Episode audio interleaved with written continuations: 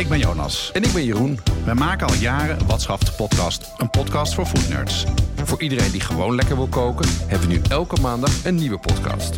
Je krijgt een weekmenu dat past bij het seizoen, één gerecht en een keukenweetje. In minder dan een kwartier krijg je zin om te koken. Met de recepten in de show notes kan je meteen aan de slag. Want bestellen kan altijd nog. Bestellen kan altijd nog. Het is de week van 21 november. En deze week is het wederom groot feest in Amerika. We hebben Thanksgiving En Black Friday. en Black Friday. En dat is natuurlijk de tijd om eh, keukenspullen met korting te kopen. Absoluut. Ehm, wil ik genoeg keukenspullen hebben, vindt mijn vrouw in ieder geval. Ja, ik, Ehm, ben, ik ben aan het swappen met mijn keukenspullen. Dat is Oh ja. eh, dat je nog iets beters kan krijgen. Oh ja, ja, ja eentje erin, eentje eruit. Precies, ja. ja. Ehm, en overigens eh, zijn de zoete aardappelen volop in het seizoen. Eh, Deze week eten wij op maandag een traybake. Een traybake. Ja, jouw favoriet. Met biet en, en bataat. En bataat is ook wel zoete aardappel. Ehm, dinsdag maken we erwtensoep.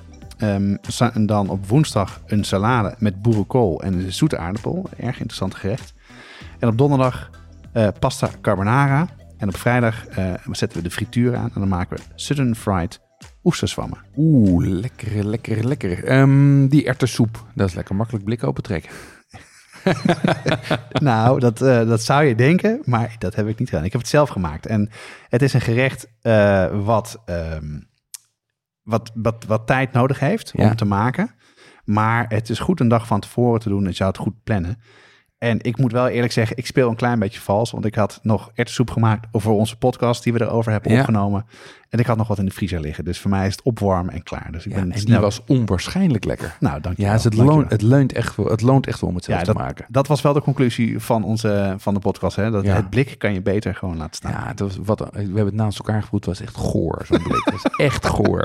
Ehm, anyway, ehm, zoete aardappel zag ik, eh, is in het seizoen en zie ik ook twee keer gebruikt. Jij oude seizoensman. Nou, niet per se seizoensman. Nou, het is natuurlijk eh, goedkoper als het een seizoen is. Ja. En het is natuurlijk ook leuk om met de seizoenen mee te koken, eh, om wat, wat variatie te krijgen. Ik heb het ook vooral gedaan, zoals jij ook eh, een, al vaker doet, dat je gewoon in je menu de groenten hergebruikt. Zodat Ja. je dus één keer hoeft te maken. Daarom doe ik hem, maak ik hem op maandag die traybake, doe ik de oven aan, maak ik een dubbele portie van zoete aardappel en dan maak ik het ook klaar voor woensdag als ik het ga gebruiken in de, in de salade. Ja, die salade met boerenkool, waar, zeg maar die, eh, waar die zoete aardappel in terugkomt. Wat moet ik me daarbij voorstellen? Dat is een, het is een recept van eh, een van onze vaste luisteraars, Aniek Lumens. En eh, zij kookt heel veel met groenten. Volgens mij is ook een, zit ze ook op een boerderij met groenten, weet ik niet helemaal Mhm. zeker. Maar een lekker, lekker eh, recept is het. Ehm, het is een maaltijdsalade. En waarbij je dus de zoete aardappel die je maandag al klaar hebt gemaakt, weer hergebruikt. Dan doe je feta bij en nog wat andere dingen, maar ook boerenkool. En die boerenkool die is rauw. Dus niet, eh, niet eh, gestoomd of heel erg gekookt. Kale. Ja, ja. Ik, Dus- zag, ik zag allemaal met boeren, mensen met boerenkool truien. Dus helemaal, helemaal, ja, helemaal Ja. boerenkooltijd. Ja, dus eh, voor, de, voor de mensen die Thanksgiving vieren is de keel bekend. Maar je moet er wel wat mee doen, want je moet hem een beetje bewerken. Want een rauw opeten is echt net niet helemaal lekker. Nee. Dus in het recept staat of dat je hem even kort opbakt... Ja, of dat je hem kneedt met wat olijfolie en zout. Zodat hij een klein beetje die celstructuur afbreekt en wat smaak erin komt. En dan is het een hele lekkere, nou ja, ook eh, een vegetarische eh, salade. mooi. Nou, na die vegetarische salade laat ik mijn oog vallen op die carbonara, pasta carbonara.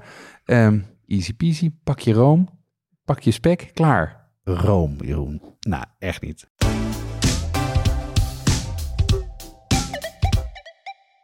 Op onze site hebben we ruim 400 recepten staan, maar voor meer dan 200 ingrediënten moet je toch echt even naar een speciaalzaak gaan of een toko. Ja, en vanaf nu kan je die dingen online vinden bij onze partner pimenton.be. Dat is de webshop voor foodies en hobbycooks. We hebben inmiddels al onze recepten gekoppeld aan een webshop. Bestellen gaat dus heel makkelijk. Het is alleen klikken op een link in de ingrediëntenlijst. Ja, en Pimenton zit in België, maar bezorgt in de hele Benelux voor 3,95. Ga naar pimenton.be om te bestellen. Nee, Jeroen. Pasta carbonara maak je niet met rom. No, no, no, no, no.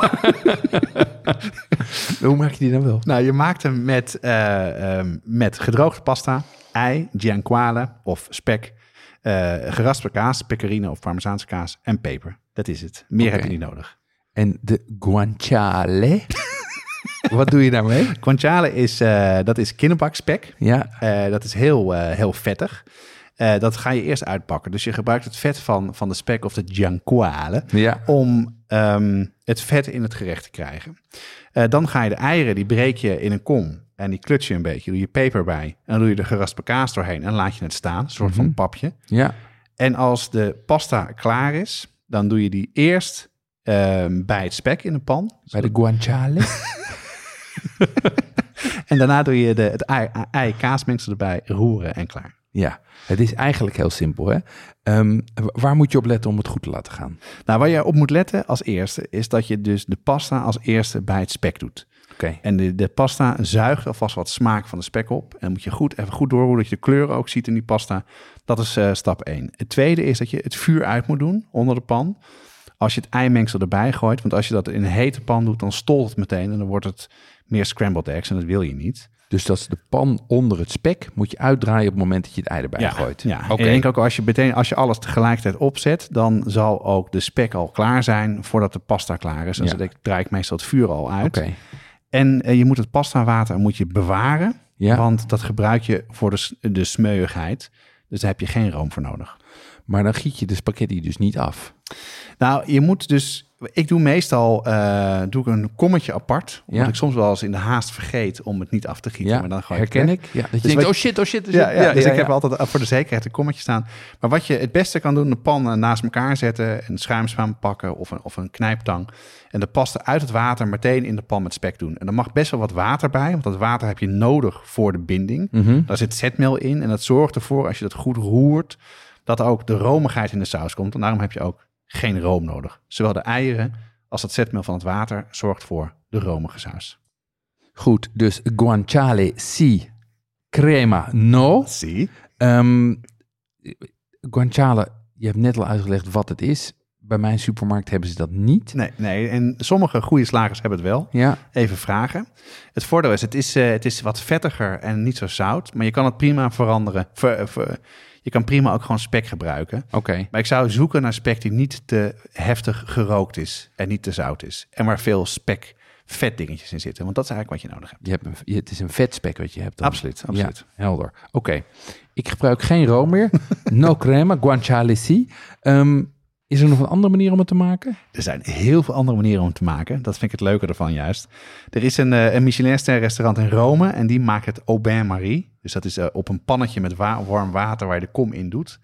En die maakt eigenlijk een soort van Hollandaise mayonaise saus met het vet van de gianquale. Spekvet. Ja, Guanciale. spekvet. spekvet. En dan doen ze dus met de eierdooiers en dan maken ze daar dus eerst eh zo'n hele romige, ja, een beetje mayonaise-achtige saus. En dan gaat het doorheen. Schijnt helemaal buono te zijn. Helemaal goed. Kan jij voor mij nog één keer guanciale zeggen? Zeker niet. Vrijdag maak je iets met oesterzwammen. Ehm, waarom eh, kies jij oesterzwammen? Nou, omdat ik eh, het fijn vind om niet te veel vlees te eten. Mhm. Om daar waar je het kan vervangen en het ook misschien niet per se eh, heel erg veel uitmaakt voor de smaak, dat te doen. En een paddenstoel is een heel goed, vind ik heel lekker om mee te koken. En de oesterzwam is volop in het seizoen aan het komen. Daarnaast is het ook een van de paddenstoelen die je makkelijk kan kweken. Dus die vind je ook makkelijk in de supermarkt, net zoals de champignon en de shiitake. En je kan hem met wild vinden en je kan hem zelfs zelf maken. Toch, Jeroen? Ehm, ja, nou, dat, dat, dat, dat, op papier ja. ja, op papier ja. Ehm hey, maar wat, wat vind je dan zo fijn aan paddenstoelen in de keuken? Nou, wat ik de- aan deze paddenstoel, wat ik er heel fijn aan vind, hij heeft een, heeft een lekkere vlezige structuur. Het is best Ja. wel een stevige paddenstoel, die ook overeind blijft als je hem, als je hem bakt. En hij is niet al te heftig van smaak. Dus het, het, het, het, het is niet dat het heel erg vecht met andere smaken die je, die je maakt. Het is een paddenstoel waar relatief weinig vocht in zit. Nou, een Mhm. champignon doe die in een pan en die loopt helemaal leeg. Ja, En doe je deze in een pan, dan gebeurt het veel minder. Dus ook heel goed te gebruiken als je gaat frituren bijvoorbeeld. Dat het niet te, te waterig wordt. En dat kan ook best gevaarlijk zijn. En ik vind het dus, ja, wat ik al zei, een hele goede eh, swap voor vlees in vegetarische, of om, om vegetarisch te gaan koken met dingen als Kentucky Fried Chicken, maar dan met Ja. oesters van. ja of shawarma. Bijvoorbeeld. ook heel lekker. Of, eh, zeker. Ja, heel goed. En, j- jij bent, eh, jij bent een, een, paddenstoelen, een paddenstoelenvriend. Een shawarma. Ehm, een shroomer. En ehm, eh, wat, is het, wat voor paddenstoel is het eigenlijk? het is de Pleurotus austriatus. De En- Pleuropus austriatus, ja.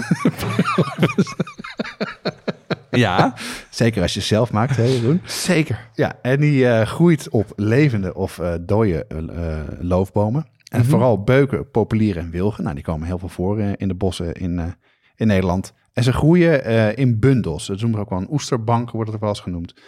En eh, ze komen na de eerste nachtvorst. En, nou, en als je het leuk vindt om te shroomen of te zoeken naar paddenstoelen... als je een beetje weet waar je op moet letten... dan zal je zien dat je ze, dat je ze veel, veel in de bossen ziet. Heb, jij, heb jij ze wel eens gevonden? Zeker. En ik heb ze ook wel eens. ehm, ja, het is even. Wat ik er moeilijk aan vind, is dat in de supermarkt heb ik het idee dat de kleur iets anders is. Het is ietsje donkerder in, eh, in, de, in de natuur. Maar ik heb altijd een, een, eh, een gidsje bij me. Dat ik zeker weet dat wat ik pluk ook klopt. En als je eenmaal wel het door hebt, dan herken je ze wel. En eh, het is hartstikke. Het smaakt net zo goed als, eh, als in de supermarkt, misschien wel lekkerder. En anders kan je ze zelf opkweken. Ja, toch? Met, Ja. Een, eh, met een emmertje, met koffie eraf. Ja, Hè, dat is een drama. Ja, op Ja. papier kan dat. Bij mij is dat niet gelukt. Nou, bij mij, wij hebben het ook één keer gedaan. Ik heb er heerlijk van gegeten de eerste keer, maar de tweede keer kwam hij niet meer omhoog. Dus hij staat ergens in een hoekje in de kelder. Hopen dat hij nog een keer terugkomt. Alle recepten en links naar adverteerders staan in de show notes. Dit is een productie van Watschaf de Podcast. Als je wil adverteren, kan je een mail sturen naar adverteren.watschaftepodcast.nl. En maandag zijn wij er weer met een nieuw menu, een nieuw recept en een keukenweetje. Tot volgende week. Want ook dan geldt, bestellen kan altijd nog.